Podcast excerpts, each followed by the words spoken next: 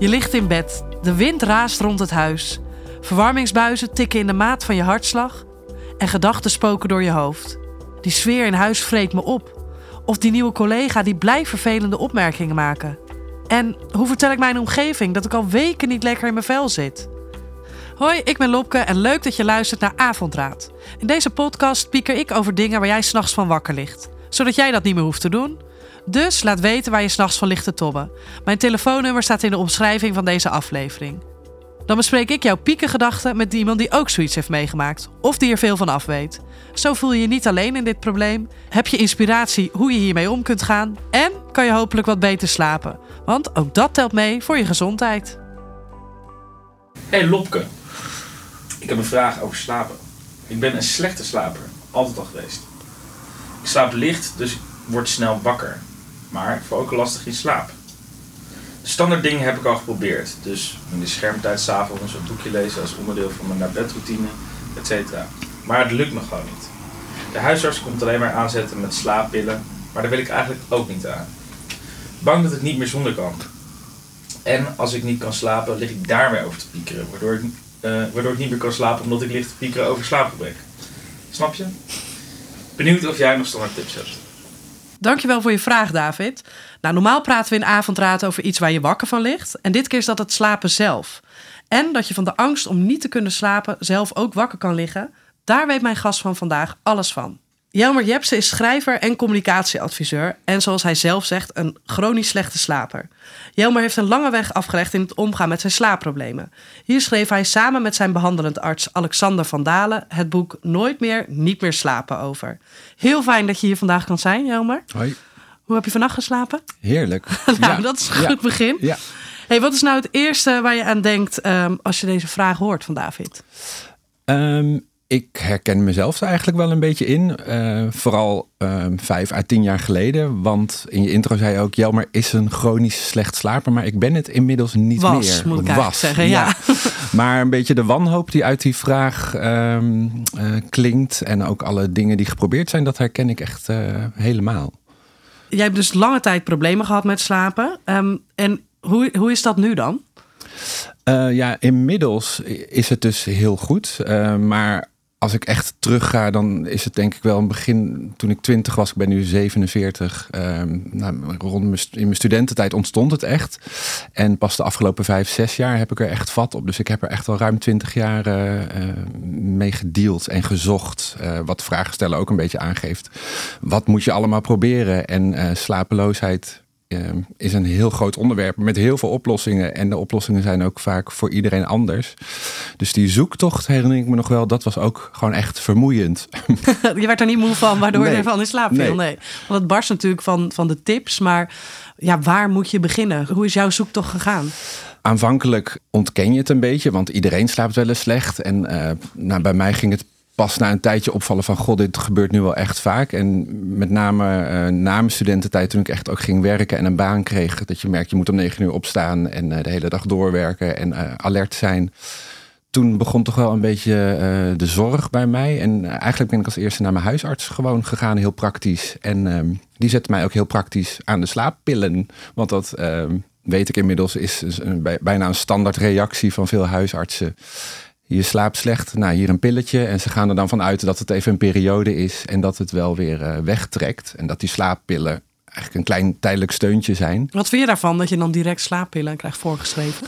En toen was ik er wel blij mee. Ja, Maar, het ehm, werkte. ja, maar op de lange termijn, wat bij mij dus bleek dat het niet eh, even een fase was, maar dat het wel echt wat dieper zat. Ja, en dan wil je niet chronisch aan de slaappillen. En dat kan ook niet, want eh, op een gegeven moment word je daar, eh, hoe zeg je dat? Resistent is niet het goede woord, maar dan moet je er steeds meer van Ja. gebruiken. Dus dat, die weg moet je eigenlijk niet inslaan. Dus het is echt een tijdelijke stopper. En toen dat dus bij mij ehm, een beetje uitgewerkt was, en dat het maar door bleef gaan, namen de zorgen eigenlijk nog meer toe. Ja, wat was toen jouw volgende stap, zeg maar? Want je, je beseft van ik ga stoppen met slaappillen, want dit hier kan ik eigenlijk inmiddels tegen. Dus je, je lag weer eh, naar het plafond te staren s'nachts. En dan? Los van dat je natuurlijk helemaal hopeloos was. Ja, nou, ik heb toch wel ook echt een lange tijd het gewoon geprobeerd te accepteren en daarmee te leven. Kijk, als je vier of vijf uur per nacht slaapt en je wordt in die vier of vijf uur twee keer wakker. Dat was een beetje mijn patroon. Dus het was niet nul uur slaap, maar het was echt heel licht, heel kort en met veel wakker worden. Op zich kan je daar de dag wel mee doorkomen. Dus ik dacht ook, nou, ik laat me er gewoon niet door kisten. eh, gewoon doorgaan en dan gaat het alsnog vanzelf wel weg. Of je leert ermee leven, of je geeft het een plekje, hoe je dat dan ook moet noemen. Ja. Ehm, dat werkte ook wel, maar ook maar tijdelijk. Want na een jaar, anderhalf jaar is, ja, is je energie ook wel echt op om daarmee om te gaan. En wil je gewoon dat het stopt. Ehm, regelmatig ook weer naar mijn huisarts gegaan. Die begon dan weer over slaappillen. Ook wel over psychische eh, hulp. Ja, ze gaan dan toch graven van is er misschien iets aan de hand waardoor je iets, wakker ja, ligt. Ja. Ja. heeft het misschien met stress te maken op je werk tot dingen uit je jeugd. En toen voelde ik al vrij snel aan van nou, dat is het bij mij volgens mij niet. Nou, dan, dan blijf je een beetje dus met je huisarts eh, ja, in een cirkeltje praten. En toen begon ik maar eigenlijk aan een soort zelfmedicatie ook. Wat ik merkte als ik bijvoorbeeld een halve fles wijn of een hele fles wijn leeg dronk. Nou, dan sliep ik best goed. Maar ook dat, net als slaappillen, werkt maar tijdelijk. Ja. Dan heb je er op een gegeven moment weer meer van nodig. Die val ben ik ook wel ingevallen. Mhm, ja. Tot aan ehm, nou, eh, marihuana is een hele bekende Ja. eh, versuffer. Mensen gebruiken dat vaak om eh, een beetje relaxed te worden. Nou, dat is ook precies wat het bij mij deed. Dus op een gegeven moment begon ik ook jointjes te roken.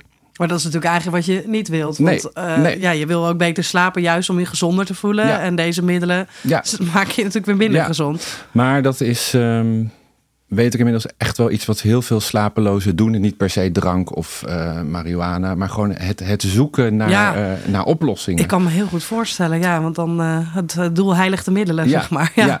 En dan ehm, zak je eigenlijk best wel diepe weg. Want eh, ja, je kan er ook in mijn geval wel verslaafd aan raken. Ik wil Mhm. niet zeggen dat ik echt heel erg verslaafd ben geraakt. Maar ook vooral de emotionele eh, verslaafdheid aan. Ja, het verslaving kent natuurlijk heel veel verschillende Ja. vormen. Als je gewoon hebt, ja, dan val ik lekker in slaap. ja, en die afhankelijkheid. En dat je dan, Ja, nou, met name op vakanties of zo. Of eh, als je wist van vanavond heb ik het niet. Dat je dan smiddags al een soort paniek krijgt van oh jee.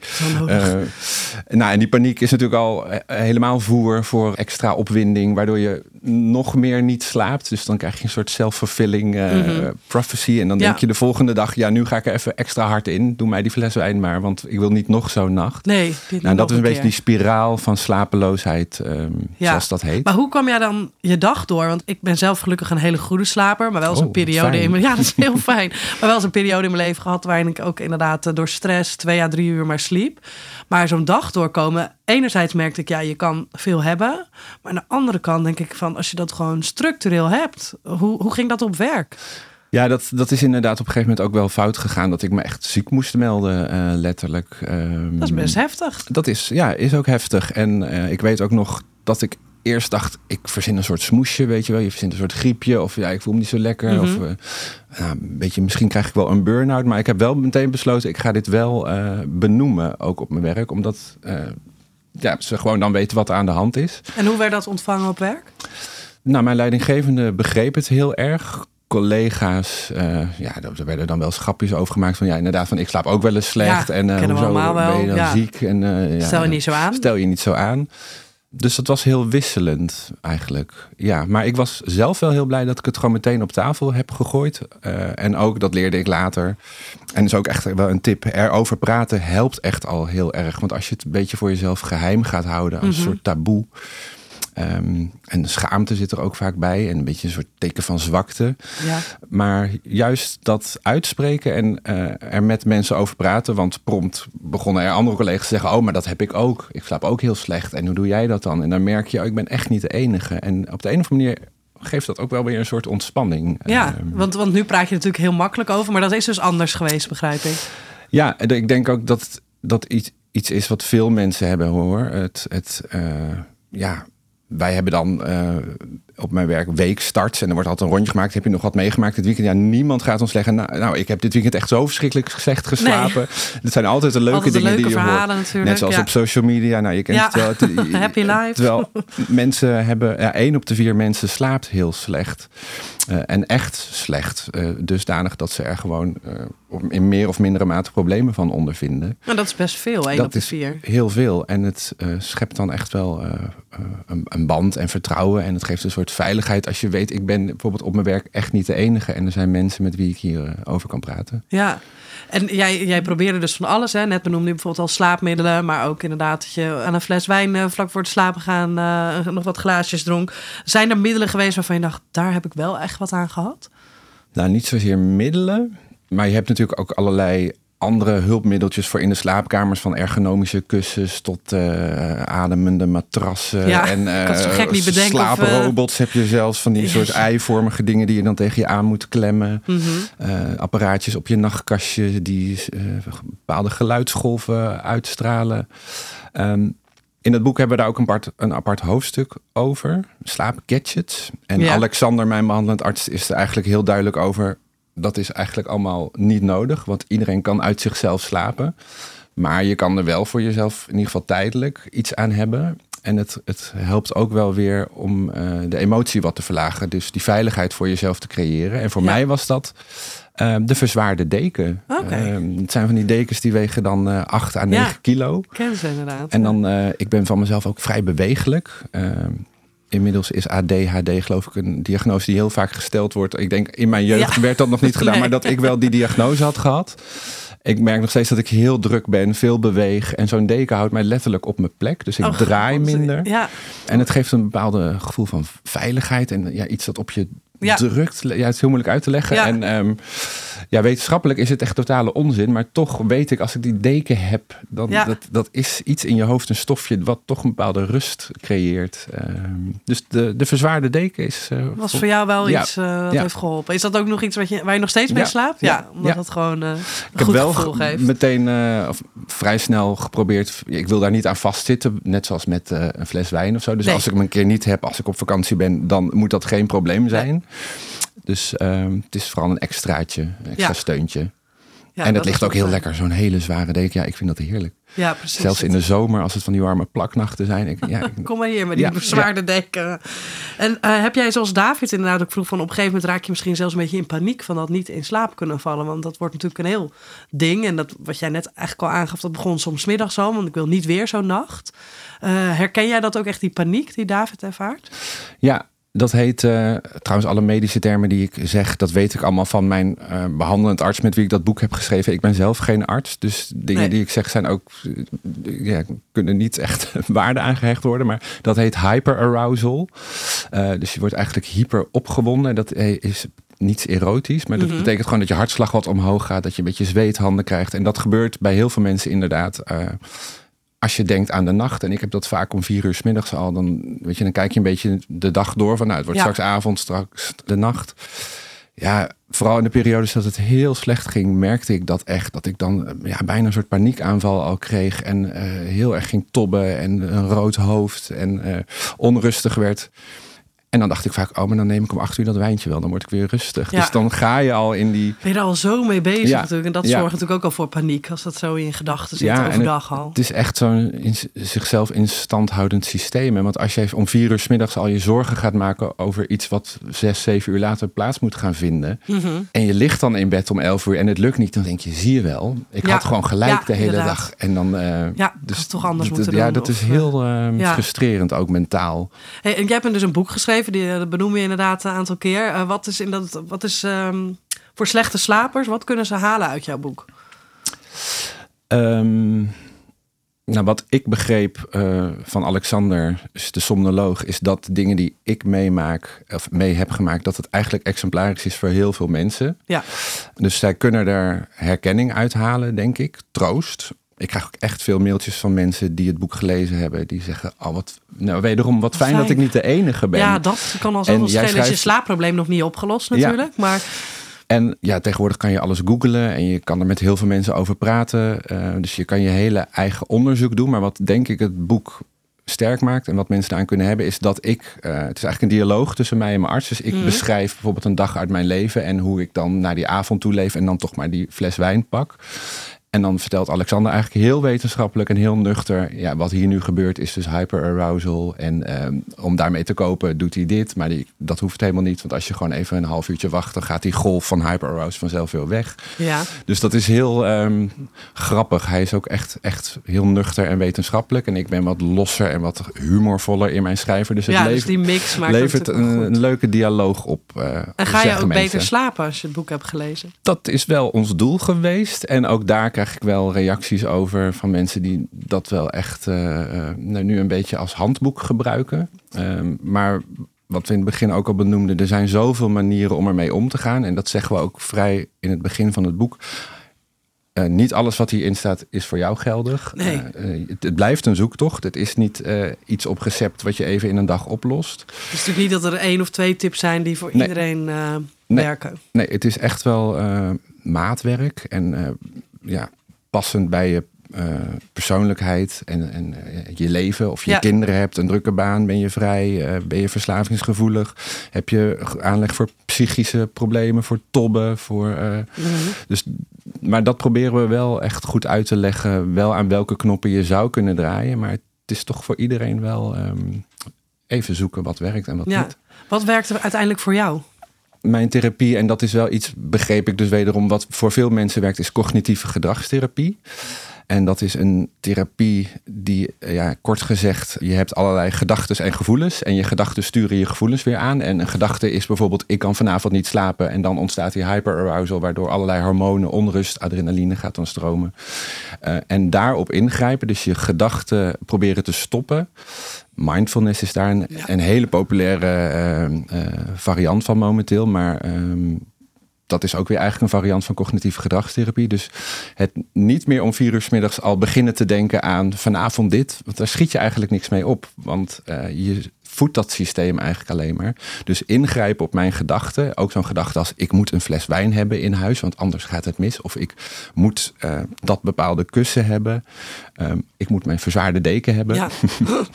En als ik die niet heb, dan gaat het mis. Dus ehm, wij hebben een aantal interventies, zoals dat heet, gedaan. ehm, doordat ik met Alexander nou, al die gedachten van mij op papier ging zetten en met hem deelde. En dat hij dan aangaf, nou, als je die gedachte daar stopt en je laat het gewoon gebeuren, dan ehm, word je rustiger. En aanvankelijk was ik daar heel cynisch over. En dat duurde ook echt wel twee of drie weken voor zoiets aanslaat.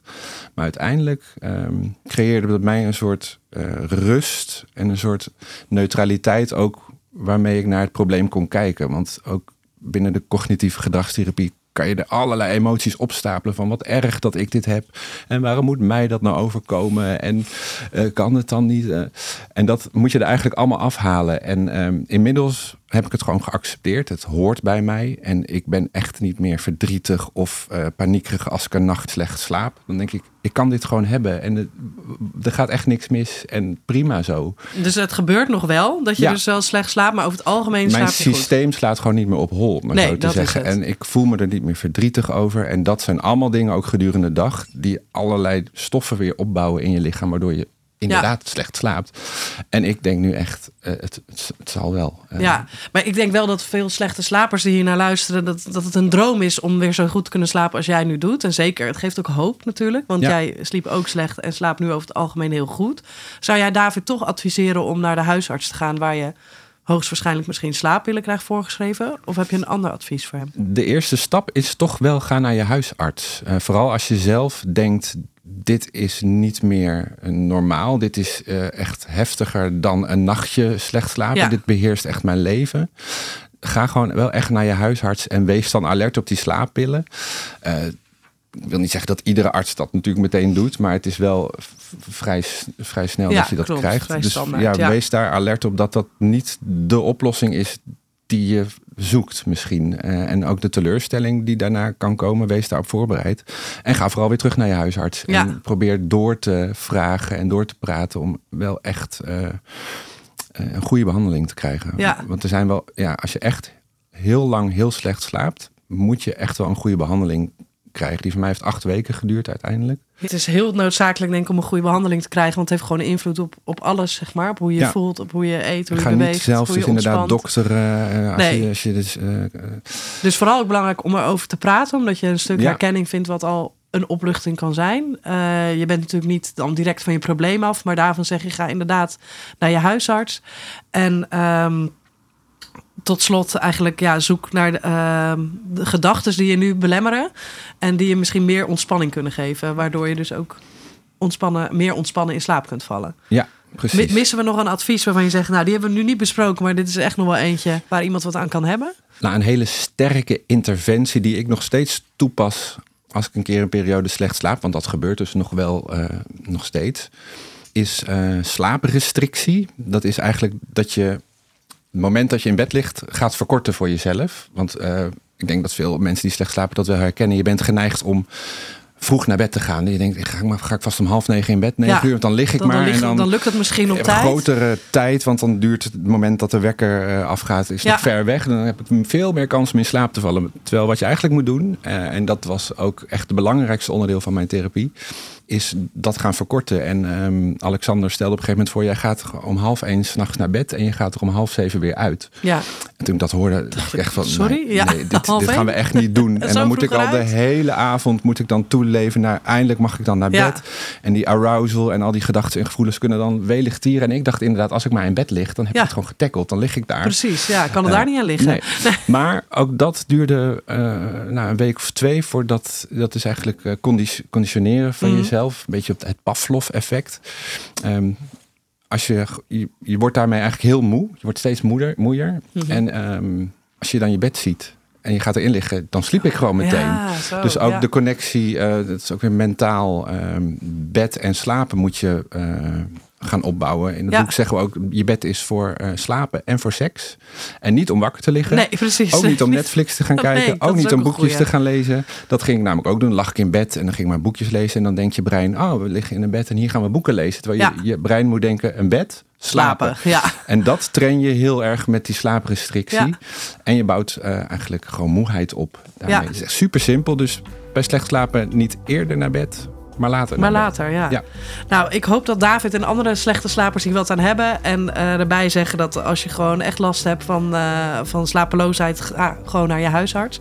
Die kan in ieder geval eh, die eerste stap met je zetten. Heb je ook een situatie waar je van wakker ligt? Stuur me dan een spraakberichtje. Mijn nummer vind je in de omschrijving van deze aflevering. Hopelijk kan ik je helpen en val je ook weer wat sneller in slaap. Want dat telt natuurlijk mee voor je gezondheid. Jelmer, dankjewel. Geen dank.